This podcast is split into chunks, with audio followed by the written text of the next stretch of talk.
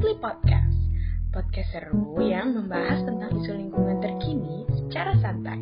Di sini, kita akan ngobrol dengan orang-orang yang aktif di bidang lingkungan. Ingin update informasi lingkungan saat ini? Yuk dengerin podcast obrolan kami ya. Enjoy! Siang teman-teman. Selama sekitar satu jam ke depan, aku akan menemani teman-teman nih uh, siang ini, Jumat siang ini, untuk ngobrolin seputar eco lifestyle. Ya, jadi sebelumnya aku mau cerita dulu. Jadi karena Impli ini sekarang uh, mengambil tema mengenai krisis iklim atau perubahan iklim, jadi uh, kita kan nggak bisa lepas-lepas ya dari pembicaraan mengenai solusi apa nih kira-kira yang tepat gitu kan. Dan biasanya nih ada semacam kecenderungan gitu antara um, hard power versus soft power kayak gitu. Tapi kalau misalkan uh, hard power tuh misalnya kayak kita menuntut pemerintah ya kan atau misalnya menuntut uh, industri-industri uh, besar atau misalnya kayak semacam uh, kita meregulasi company-company gitu dari industri ekstraktif misalnya atau kalau misalnya teman-teman tahu Met Gala kemarin dari carpetnya itu ada yang salah satu diundangnya itu Congresswoman dari US AOC Alexandra Ocasio Alexandria Ocasio-Cortez. Dan dia ini jasanya tuh ikonik banget karena di belakangnya itu ada tulisan tax the rich. Jadi kita menuntut populasi-populasi yang satu persen dari bumi ini untuk uh, mengakselerasi solusi dari krisis iklim ini gitu. Tapi kita akan mengesampingkan dulu nih dari hard power itu. Dan instead hari ini, siang ini kita akan coba buat kasih spotlight dan juga mengulik lebih dalam nih dari soft power dalam uh, apa dalam andilnya untuk uh, berperan gitu kan, uh, berusaha untuk suppress atau mengurangi dampak dari krisis iklim ini. Dan sekarang ini kita we're on the right hand akan ada greeners.co dan uh, greeners.co ini adalah media online yang dia ini memang pemberitanya itu berfokus pada masalah lingkungan dan juga gaya uh, hidup ramah lingkungan melalui bahasa Indonesia dan juga bahasa Inggris. Dan ini sudah berdiri sejak tahun 2005 dalam bentuk media cetak awalnya dan kemudian uh, selama 16 tahun ini nih greeners.co itu telah konsisten untuk um, berkontribusi dan juga um, membentuk masyarakat yang peduli lingkungan dan juga mengembangkan komunitas, aksi rehabilitasi dan juga kampanye peduli lingkungan. Dan uh, siang ini kita akan undang Kasyafur Rahman. Kasyafur Rahman ini adalah Chief Editor dari Greenhouse.co dan sebelumnya uh, beliau ini keren banget pernah jadi National Team Leader 350 or, uh, org Indonesia dan juga beberapa kali jadi Team Leader dari Zero Waste Campaign bahkan juga jadi delegasi untuk international event kayak misalnya uh, World Global Forum di uh, Korea Selatan dan uh, beliau ini juga pernah nih mengembangkan dan juga mengaplikasikan uh, karbon kalkulator yang kemudian digunakan di 23 SMA dan juga uh, ini mendapatkan rekor muri teman-teman. Jadi keren banget kan? Oke okay, ini coba kita undang kita halo kak. Halo kak. Halo. Selamat siang kak. Selamat siang. Gimana suara saya kedengeran ya? Kak? eh iya kedengeran kak kedengeran. Gimana kabarnya kak? Oke. Okay. Alhamdulillah baik. Kebetulan ini saya lagi di lapangan ini lagi survei. Oh gitu kak, survei apa tuh kalau uh, boleh tahu? Lagi survei buat pengelolaan lingkungan uh, di Mataram di uh, sirkuit Mandalika ya. Oh oke okay, oke, okay. keren nah, banget. Saya lagi Jadi di kita... pabrik daur ulang sampah. Oh gitu kak, ini nggak apa-apa nih kak, mm -hmm. uh, kayaknya agak sedikit. Nggak apa-apa, nggak apa-apa. Kita ngobrol aja dulu. Ya, oke. Okay. Hmm uh, sebelumnya mungkin Kak Syaiful bisa perkenalan dulu nih Kak buat kenalkan diri ke teman-teman. Tadi sebenarnya aku udah kasih tahu juga, tapi mungkin Kak Syaiful bisa nih Kak untuk kenalkan lagi Kak. Ya, selamat sore teman-teman. Uh, Imtli ya, Imtli. Uh, saya Saiful dari Greeners. Uh, saat ini saya bertugas sebagai pemimpin redaksi di greeners.co. Uh, juga menangani beberapa pekerjaan-pekerjaan terkait uh, pengelolaan pengelolaan sampah atau pengelolaan lingkungan dalam uh, pelaksanaan sebuah event gitu ya.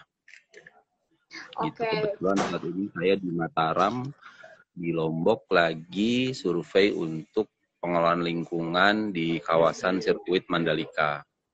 Oh, berarti kesibukannya sekarang lagi di situ ya kak, lagi di Lombok ya kak, buat uh, pengelolaan mm -hmm. itu. Oh ya kak, sebelumnya kenalkan aku Afifah, aku dari Departemen Pendidikan dan Keprofesian. Dan yeah. kali ini kita akan ini kak, uh, aku tahu kayak Greeners Turko, terutama juga Kak Shevo kan expert nih di eco lifestyle gitu kan. Dan mungkin uh, banyak banget dari kita ini yang uh, pengen coba juga gitu untuk bertransisi gaya hidup gitu kan menjadi lebih ramah lingkungan lebih environmentally conscious gitu. Apalagi kan sekarang ini udah climate crisis nih uh, krisis iklim semakin parah ya kan. Cuman mungkin kita belum punya power gitu yang yang lebih buat membuat perubahan secara sistemik misalkan dari pemerintahan gitu. Dan kita pengen untuk Anies juga nih secara individu. Nah tapi boleh nggak sih kak uh, kira-kira definisi yang tepat tuh apa sih kak mengenai lifestyle gitu? Kayaknya mungkin takutnya ada salah persepsi ya seperti apa. Jadi sebenarnya gimana tuh kak kalau kita mendefinisikan eco lifestyle?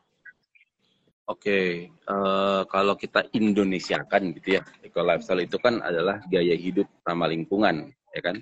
Se semudah itu gitu. Dan dan memang kalau definisinya itu mungkin adalah kalau saya pribadi ya mendefinisikan uh, gaya hidup ramah lingkungan itu adalah sebisa mungkin dampak dari kehidupan kita sehari-hari tidak memberatkan atau menjadi beban bagi lingkungan gitu. Iya. Gitu. Iya Misalnya, apakah kita menggunakan kendaraan bermotor yang menimbulkan polusi setiap hari, misalnya. Uh, apakah kita menghasilkan sampah yang besar setiap hari, gitu ya. Ataukah kita mengkonsumsi makanan yang secara produksi membebani lingkungan yeah. setiap hari. Nah, jadi itu kurang lebih gambarnya seperti itu. Jadi dari aspek-aspek tadi ya sebisa mungkin kita rem, kita kurangi, kita kontrol supaya dampak keberadaan kita di bumi ini tidak menjadi beban bagi lingkungan gitulah kurang lebih. Iya benar banget kak. Oke berarti sebenarnya kalau kita ngomongin lifestyle tuh uh, ini lebih ke ini ya kak uh, membuat keputusan yang memang serba impact oriented gitu. Jadi kita memikirkan juga yeah. gimana dampaknya ke lingkungan ya kak. Oke, tapi ya dan uh, kita bisa mengontrol diri kita hmm. sendiri kan sebenarnya iya. gitu. Karena kita memilih apa yang kita beli, memilih apa yang kita pakai, memilih apa yang kita gunakan gitu. Jadi kita memiliki kontrol penuh dari situ, dari diri kita sendiri. Iya, iya. Itu benar banget sih kak. Uh, jadi memang semuanya hmm. ini kita uh, berusaha untuk lebih mindful ya kak mengenai keputusan yeah. dan juga apa yang kita apa, apa yang kita gunakan. Tapi mungkin uh, aku rasa secara umum gitu kan masyarakat ini tuh belum terlalu uh, mengaplikasikan eco lifestyle gitu kak. Jadi mungkin hanya sebagian uh, apa teman-teman atau masyarakat yang memang bergerak uh, di bidang lingkungan gitu kan yang memang uh, paham gitu. Dan mungkin uh, dari beberapa mereka ini merasa wah kan lingkungan ini nggak berdampak langsung ke saya gitu. Jadi saya tidak perlu banget gitu harus uh, benar-benar uh, apa namanya ramah lingkungan gitu jadi mungkin uh, di situ agak ada sedikit miss gitu kak Nah, mungkin mereka butuh gitu kan, uh, apa namanya sebuah reason atau misalnya kayak sebuah trigger gitu. Kayak kenapa hmm. saya harus uh, beralih, harus benar-benar uh, mempunyai apa namanya lifestyle yang yang ramah lingkungan gitu kak. Belum dapat gitu esensinya. Nah, kira-kira gimana tuh kak cara menjelaskannya ke masyarakat pentingnya dan kenapa yeah. kita ini harus ramah lingkungan hidupnya kak? Iya, saya sih merasa kasihan ya sama teman-teman yang merasa tidak uh, terdampak oleh lingkungan. Misalnya, apakah kita tidak perlu udara untuk bernapas, gitu kan? Ya, apakah kita tidak perlu air untuk hidup, gitu ya? Atau kita tidak perlu ruang untuk hidup, gitu ya? Karena semua itu sangat terkait sebenarnya. Uh, kemarin ada contoh kawan-kawan LSM besar di Indonesia berhasil memenangkan gugatan di oh, iya. Jakarta yeah. terhadap, uh, terhadap pemerintah pusat loh. Jangan mm. salah, keberhasilan yang besar. Mereka berhasil menggugat gitu ya, seorang gubernur, seorang presiden, cuman karena tidak disediakan udara yang bersih. Coba. Yeah, yeah. Itu menurut saya adalah satu hal yang paling basic untuk kita menyadari bahwa ya kita sangat butuh lingkungan yang bersih gitu. Kita sangat butuh lingkungan yang sehat untuk kita anak-anak cucu kita nanti ke depan gitu. Jadi eh, sebenarnya eh, kita ini sangat sangat berkaitan dan sangat membutuhkan lingkungan yang sehat. Nah, ya, cuman bener memang kadang-kadang uh, effort atau usaha yang kita berikan kepada lingkungan tidak bisa langsung terlihat, tidak bisa langsung terasa gitu. Iya. Harus terlihatnya jangka panjang, dilakukan bersama-sama, banyak orang melakukannya baru akan terlihat gitu. Jadi harus sabar gitu. Jadi uh, tidak bisa dampaknya langsung dirasakan, langsung dilihat gitu. Nah, itulah mungkin yang membuat kawan-kawan agak sedikit kesulitan untuk mencerna wah saya udah pilah sampah nih kemarin, saya udah nggak nyampah hmm. kemarin, tapi lingkungan tetap kotor gitu ya. Nah itu yang itu yang kadang-kadang membuat teman-teman terlalu cepat uh, mengambil keputusan untuk ya, ya ya saya tidak berhubungan sama lingkungan, padahal sebenarnya sangat iya. berhubungan loh gitu. Apalagi di umur-umur yang saya lihat uh, anak kuliah gitu ya, anak kampus begitu, itu kan ada di persimpangan jalan ketika mereka sebenarnya akan melanjutkan karirnya ke jenjang yang lebih tinggi itu kan nantinya mereka akan menjadi para pemegang keputusan, pengambil keputusan, uh, iya, penentu kebijakan gitu. Sehingga penting sekali buat mereka untuk mengerti bahwa eh, langkah-langkah yang mereka ambil itu akan sangat berpengaruh terhadap masa depan lingkungan gitu. Iya masa mau selamanya kita uh, hidup di kondisi udara kotor nanti lama-lama udara mesti dibeli loh. Sekarang yeah. aja air bersih harus dibeli.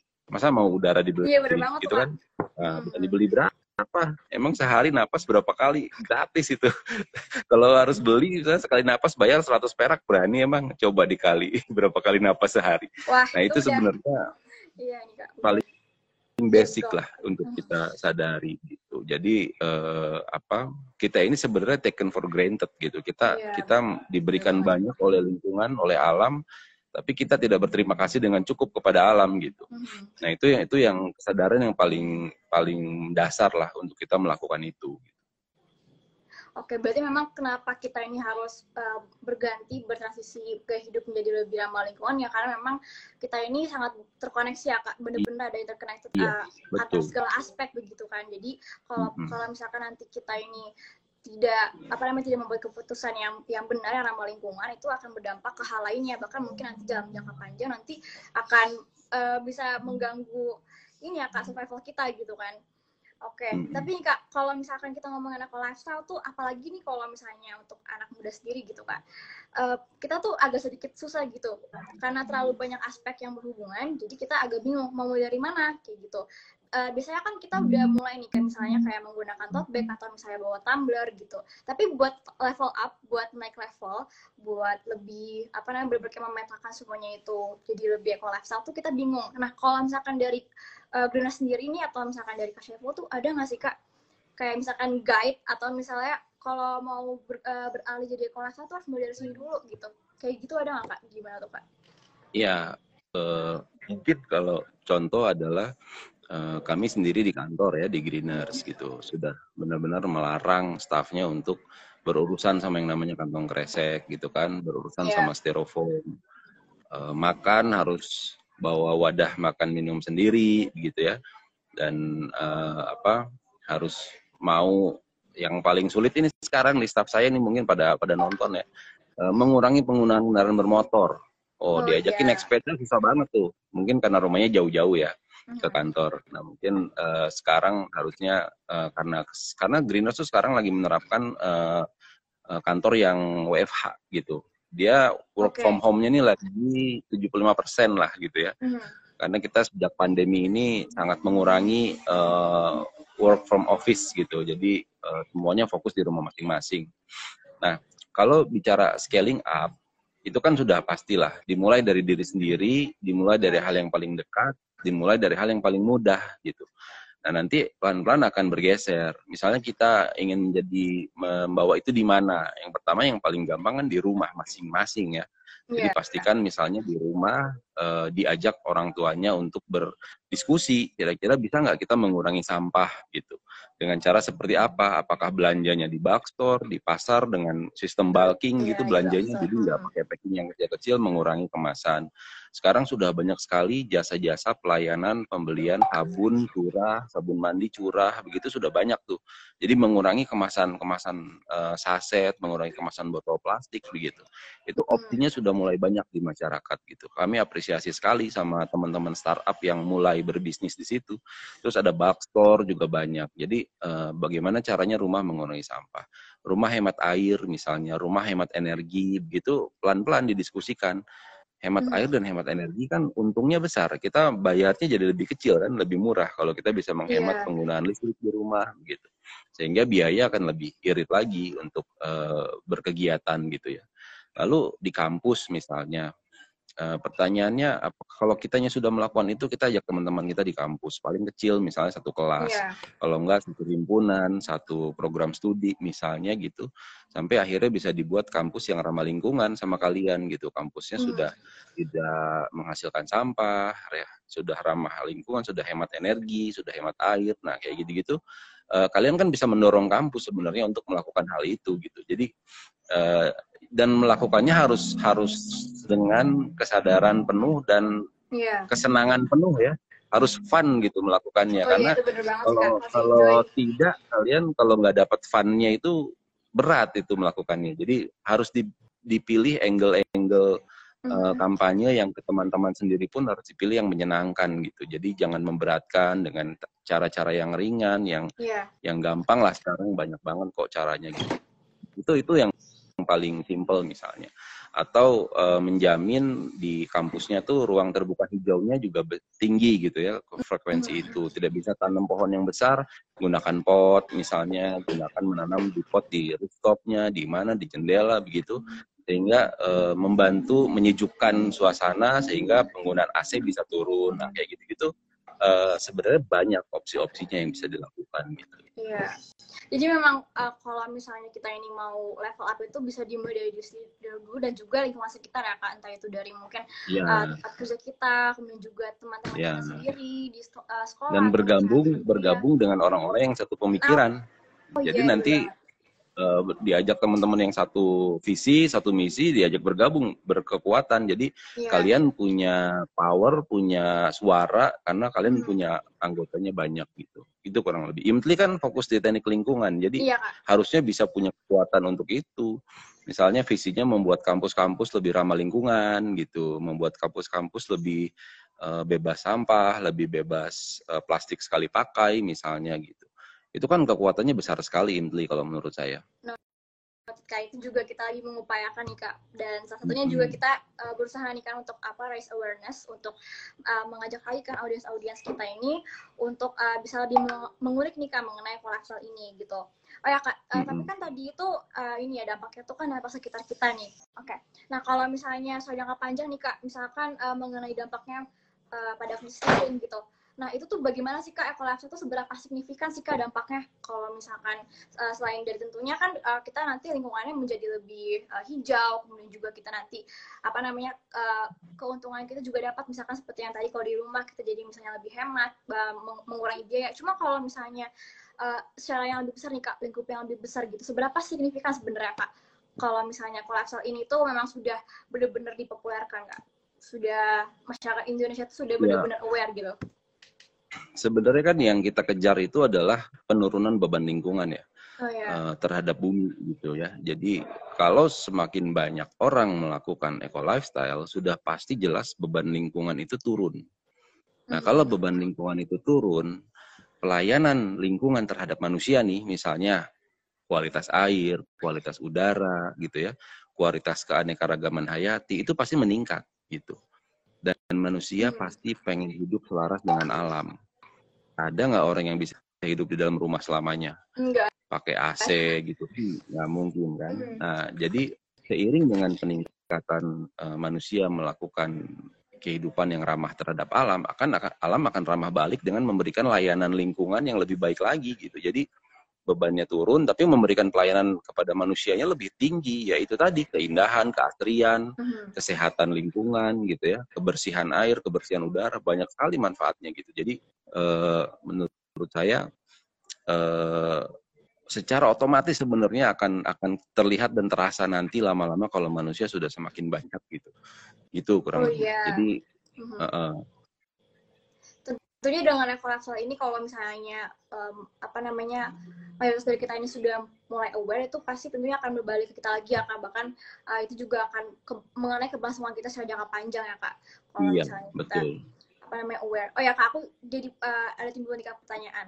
Eh, gimana sih kak caranya kita ini bisa buat kayak keluar dari bubble kita gitu? Karena kan kalau misalkan kayak kita nih dari Intri gitu kan kita mungkin bisa reach out dari orang-orang memang uh, sudah aware dan juga udah punya background lingkungan gitu kak. Nah gimana cara kita buat bisa masuk ke ranah yang lebih umum gitu kayak memang mungkin tidak bersinggungan sama sekali dengan lingkungan misalnya um, anak-anak sekolahan atau misalkan para pekerja yang uh, apa namanya tidak bekerja di bidang lingkungan nah itu gimana kak cara kita bisa buat break the bubbles dan juga mempromosikan eco lifestyle ini kak ya eh, gampang-gampang susah ya karena rata-rata orang yang mau keluar dari bubble itu yang memang sudah masuk dalam tahap kesadaran tinggi atau memang dalam kebutuhan yang tinggi gitu ya. Misalnya dia hidup di kawasan yang lingkungannya udah rusak. sehingga dia sadar bahwa kalau dia tidak uh, memberikan perlindungan terhadap lingkungan dia nggak akan bisa hidup tuh gitu. Kayak udah misalnya ada satu udah survival insting ya kak? Udah instingnya insting bertahan hidupnya jadinya ya kak? Udah terdorong dari eksternal iya ya? iya. Karena dia sudah merasakan langsung kerusakan lingkungan dan itu tidak enak buat dia gitu ya. Uh-huh. dan itu mahal buat dia gitu. Uh, apa tidak semua orang loh bisa membeli AC gitu ya, ya untuk menciptakan udara bersih di rumahnya itu uh, jadi dia mau nggak mau harus menjamin lingkungan rumahnya lebih bersih gitu gitu mm -hmm. jadi break the bubbles itu ya manusia pada dasarnya makhluk yang adaptif kok gitu jadi harusnya bisa keluar dari zona nyaman untuk masuk ke dalam uh, apa uh, gaya baru dalam berkehidupan gitu ya. tapi ya dia harus butuh dulu kalau nggak butuh agak susah ya. Jadi kampanye yang kalian lakukan inilah sebenarnya meningkatkan tingkat kebutuhan itu gitu. Bahwa manusia itu butuh alam gitu, butuh lingkungan yang sehat untuk hidup dengan baik gitu. Jadi kampanye itu yang penting sebenarnya. Sehingga dia akan men-trigger kebutuhan itu. Oke oke berarti kalau kayak gitu memang uh, kita ini harus ini ya kak bener-bener apa berusaha untuk men, uh, menjadi orang-orang dan juga mengelaborasi gitu. Memberi Kalau misalnya kita ini memang contoh. Ya, Jadi juga ya, kan? uh, kalian itu sebagai terutama teknik lingkungan ya hmm. harusnya bisa menjadi contoh di masyarakat untuk menjadi guide yang baik bagaimana caranya menjadi manusia yang ramah lingkungan gitu. Karena pengetahuannya kalian punya semua sebagai mahasiswa dan dan kalian tuh akan dipandang oleh masyarakat sebagai kelompok yang berpendidikan gitu. Jadi uh, kalian tuh punya kekuasaan itu gitu untuk mendorong perubahan gaya hidup di pada masyarakat gitu ya. Mm-hmm. Karena kalian adalah kaum kaum pemikir gitu. Mahasiswa itu kan kaum kaum pemikir gitu ya yang mencarikan solusi bagi masyarakat. Nah jadi uh, apalagi anak-anak muda sekarang ya generasi Z, generasi milenial sudah lewat kayaknya. Sekarang udah zamannya Gen Z yang lebih canggih lagi gayanya mm-hmm. gitu kan, uh, lebih digital, lebih visual gitu. Jadi uh, menurut saya justru zamannya itu sekarang untuk kalian mendorong lebih jauh lagi uh, partisipasi publik ke arah uh, gaya hidup ramah lingkungan. Oke, berarti memang sebenarnya ini para kita juga masih banyak ya kak. Tapi yang penting kita mm -hmm. punya purpose dan kita juga berusaha gitu mengupayakan untuk bisa menyampaikan ini ke masyarakat yang lebih luas. Yeah. Oke, aku juga ada pertanyaan nih kak. Gimana sih kak caranya supaya kita ini konsisten gitu? Misalkan kita uh, bukan dari background yang uh, terdampak langsung gitu kak. Dan kita juga uh, benar-benar privilege gitu kan. Privilege dan uh, kita juga bisa dibilang nih hidupnya enak banget nih kak. Kita nggak ada kendala apa pun kita nggak terdampak. Nah gimana caranya supaya kita ini bisa uh, mengadopsi eco lifestyle ini dan juga uh, konsisten terus menerus gitu kak? Karena kan pasti kita juga uh, mungkin ini ya tergoda gitu. Misalnya buat uh, beli barang pakai plastik lagi atau misalnya uh, somehow kita uh, beli pakaian terus menerus itu kan juga konsumtif ya kak dan justru malah iya. jadinya nggak berarti, berarti gitu. kalau kalau begitu belum sadar belum nah, iya, sadar iya, berarti gimana jadi, tuh kak caranya buat tetap sadar dan tetap konsisten tuh kira-kira gimana gitu harus saling mengingatkan jadi kalian harus hidup dalam kelompok yang saling mengingatkan ya karena hmm. karena kalau nggak susah uh, apa uh, apa kadang-kadang saya dulu mungkin juga saling diingetin sama teman-teman ya yang seangkatan saya gitu. Uh, apa uh, tapi ya itulah fungsinya berkelompok dalam satu visi ya. Jadi ada ya. ada ada faktor saling mengingatkan saling uh, me, apa memberi support gitu ya. Saling memberikan warna gitu dalam gerakan masing-masing gitu. Sehingga tidak sendirian gitu dan jangan melakukannya sendirian gitu. Hmm. Minimal ajak teman, ajak keluarga gitu ya, ajak saudara untuk uh, dengan menyenangkan melakukan itu. Harus dengan menyenangkan gitu. Dicari hmm. caranya bagaimana. Karena banyak kok teman-teman uh, komunitas, teman-teman apa NGO yang sudah melakukan itu dengan dengan konsisten, dengan senang gitu ya. Hmm. Dan kalian bisa belajar banyak tanya-tanya sama mereka gitu. Jadi uh, menurut saya sih berkelompok lah, berkelompok dan bikin asik aja gerakannya gitu. Jadi uh, jangan terlalu serius juga, jangan terlalu dipikirin juga gitu, tapi uh, apa menyenangkan lah gitu, ringan, menyenangkan. Tapi ada dampaknya, kalian harus bisa melihat gitu bahwa bagaimana caranya mengevaluasi apa yang sudah kalian lakukan gitu ya seiring waktu tentunya. Misalnya per bulan, per tiga bulan, per enam bulan gitu itu dilakukan evaluasi dampaknya seperti apa gitu.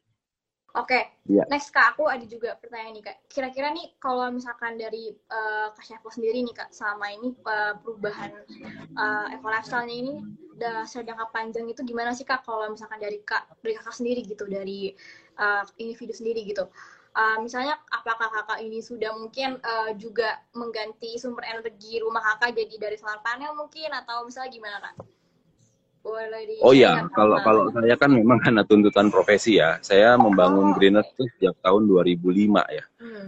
Eh, latar belakang saya memang kehutanan, eh, konservasi lingkungan. Jadi memang eh, belajar tentang eco lifestyle itu sudah sejak 2005-2006 baca-baca literasi yang terkait itu sudah lama Wow. gitu dan mulai melakukan tuh. Aku mulai- belum bisa baca kayak. mulai melakukan pelan-pelan ya. Saya melakukan yang pertama itu saya eh, sampai sekarang belum pernah beli kendaraan bermotor pribadi. Jadi Wow. saya kalau ke mana-mana itu pakai sepeda. Terus kalau jarak jauh saya sebisa mungkin public transport atau rental mobil ya gitu. Karena tergantung dari kebutuhan eh, transportasi saya gitu. Jadi eh, jarak 1 sampai 10 bahkan 20 kilo pakai sepeda gitu. Eh, sekarang malah lagi seneng jalan kaki tuh. Eh, 1 sampai 5 kilo bisa jalan kaki gitu. Dan lebih sehat juga Kak. ke badan kan. Terus eh, sudah tidak mau berurusan sama styrofoam sama kantong kresek karena di tas saya udah ada alat makan, udah ada tumbler kayak gitu. Tumblernya sekarang malah eh, ada untuk air putih, ada buat kopi itu karena lagi seneng ngopi. Jadi ada tumbler kecil banget buat ya, kopi. Jadi memang itu kalau sudah dilakukan secara terbiasa kita nyaman ya dan bahkan Hmm. kalau ketinggalan satu barang aja itu kayaknya rasanya tuh menyesal banget seharian gitu. Jadi eh, apa ya itu itu tapi kita melakukan itu dengan menyenangkan gitu. Jadi senang aja melakukan itu. Gitu. Jadi nggak nggak ada beban nggak ada apa-apa gitu ya. Jadi eh, tidak berat sebenarnya karena ya kebetulan sudah lama. Terus sebisa mungkin berkontribusi sama gerakan-gerakan teman-teman yang lain sama komunitas. Kalau ada aksi kita bantu kita support ikutan minimal hadir gitu ya. Menjadi Hmm. bagian dari gerakan komunitas lain sebagai peserta gitu ya sebagai meramaikan dan ikut donasi sebisa mungkin semampu mungkin begitu. Itu juga hal yang paling simpel sebenarnya bisa kita lakukan. Jadi eh, kita ya mulai dari yang kita bisa dulu aja deh gitu. Kebetulan saya juga eh, dikelilingi oleh kawan-kawan yang memang juga memiliki visi yang sama ya. Jadi buat saya mudah gitu kalau kalau untuk melakukan itu bisa sharing sharing sharing lah. Eh, lu pakai tumblernya apa nih? Enak juga nih kopinya nggak cepet dingin gitu kan. Dikasih tahu mereknya apa. Jadi beli yang seperti itu gitu ya. Dan itu awet bertahun-tahun digunakan gitu ya. Jadi ya itulah kurang lebih eh, yang yang dilakukan gitu. Jadi yang paling gampang aja dulu pilih. Eh, Oke, aku tadi juga ada pertanyaan nih kak. Kira-kira sebenarnya kalau misalkan di masyarakat Indonesia sendiri gitu kan kak, kakak udah lama banget berkecimpung gitu. Nah kira-kira apa sih kak kayak semacam persepsi yang salah gitu di pandangan masyarakat gitu? Kalau misalnya membicarakan mengenai eco lifestyle, yang masih keliru gitu, yang masih justru malah ini agak kontradiktif gitu dengan eco lifestyle. Kira-kira itu gimana kak? eh ada satu yang saya pikir agak kurang pas itu kalau menganggap eco lifestyle itu mahal. Oh Kalau iya. eco lifestyle itu harus belanja barang-barang yang belanja barang-barang baru dan itu membebani terhadap pengeluaran gitu ya. Sebenarnya enggak juga. Gitu. Jadi selama kita bisa menyadari me- apa gaya hidup kita sehari-hari seperti apa dan membatasi itu, harusnya enggak. Saya pun enggak gitu ya. Mhm. Eh, jadi jangan sampai lifestyle itu menjadi suatu hal yang malah membebani pengeluaran kita. Misalnya Iya. tumbler misalnya pengen beli yang mahal-mahal terus ada banyak akhirnya nggak kepake gitu. Kayak gitu. Terus eh, alat makan segala macamnya kalau memang di merek-merek tertentu kan lebih mahal gitu ya.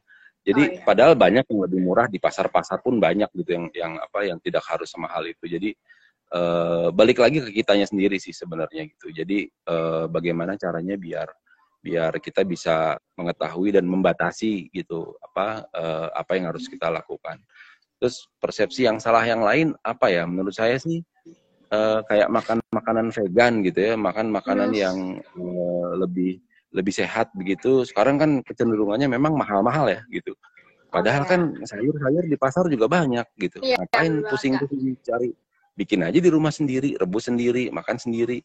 Eh, nggak usah ribet-ribet gitu, nggak usah ke restoran yang mahal atau ke brand-brand makanan minuman yang mahal untuk menjadi seorang vegan gitu. Jadi uh, apa tidak sulit gitu. Kalau saya sih belum vegan ya, karena saya masih hanya membatasi makan saja gitu. Cuman yeah. membatasi makan daging merah, tapi saya belum belum sampai ke level vegan gitu. Oke. Okay. Jadi Berarti, ya kurang lebih itu. Sih. -huh. Jadi kalau misalnya kelas ini tuh sebenarnya gak perlu mahal-mahal teman-teman dan gak perlu juga kita bener-bener kayak uh, harus uh, apa namanya vegan maksudnya itu boleh itu sebuah pilihan tapi kalau misalnya vegan itu sampai mahal dan sampai membebankan kita itu justru malah jadinya uh, agak belak belakan dengan tujuan dari lifestyle itu sendiri. Dan mungkin kalau teman-teman notice kayaknya uh, di rumah kita juga misalnya kan uh, orang tua ibu-ibu gitu ya misalnya kayak bekas kaleng biskuit itu kan dipakai lagi tuh. Nah itu juga sebenarnya definisi ini karena lifestyle tuh mungkin misalnya kita nggak perlu beli lap lagi udah pakai baju yang udah nggak gak bagus. Misalnya itu kan juga salah satu bentuk eco lifestyle ya. Atau apalagi sih misalnya kalau kita oh ya kalau itu tadi ya kalau kita belanja di pasar apalagi kalau sama ibu-ibu itu bisa ditawar itu juga lebih murah jadinya dan ya sebenarnya kelas itu nggak perlu mahal nih teman-teman.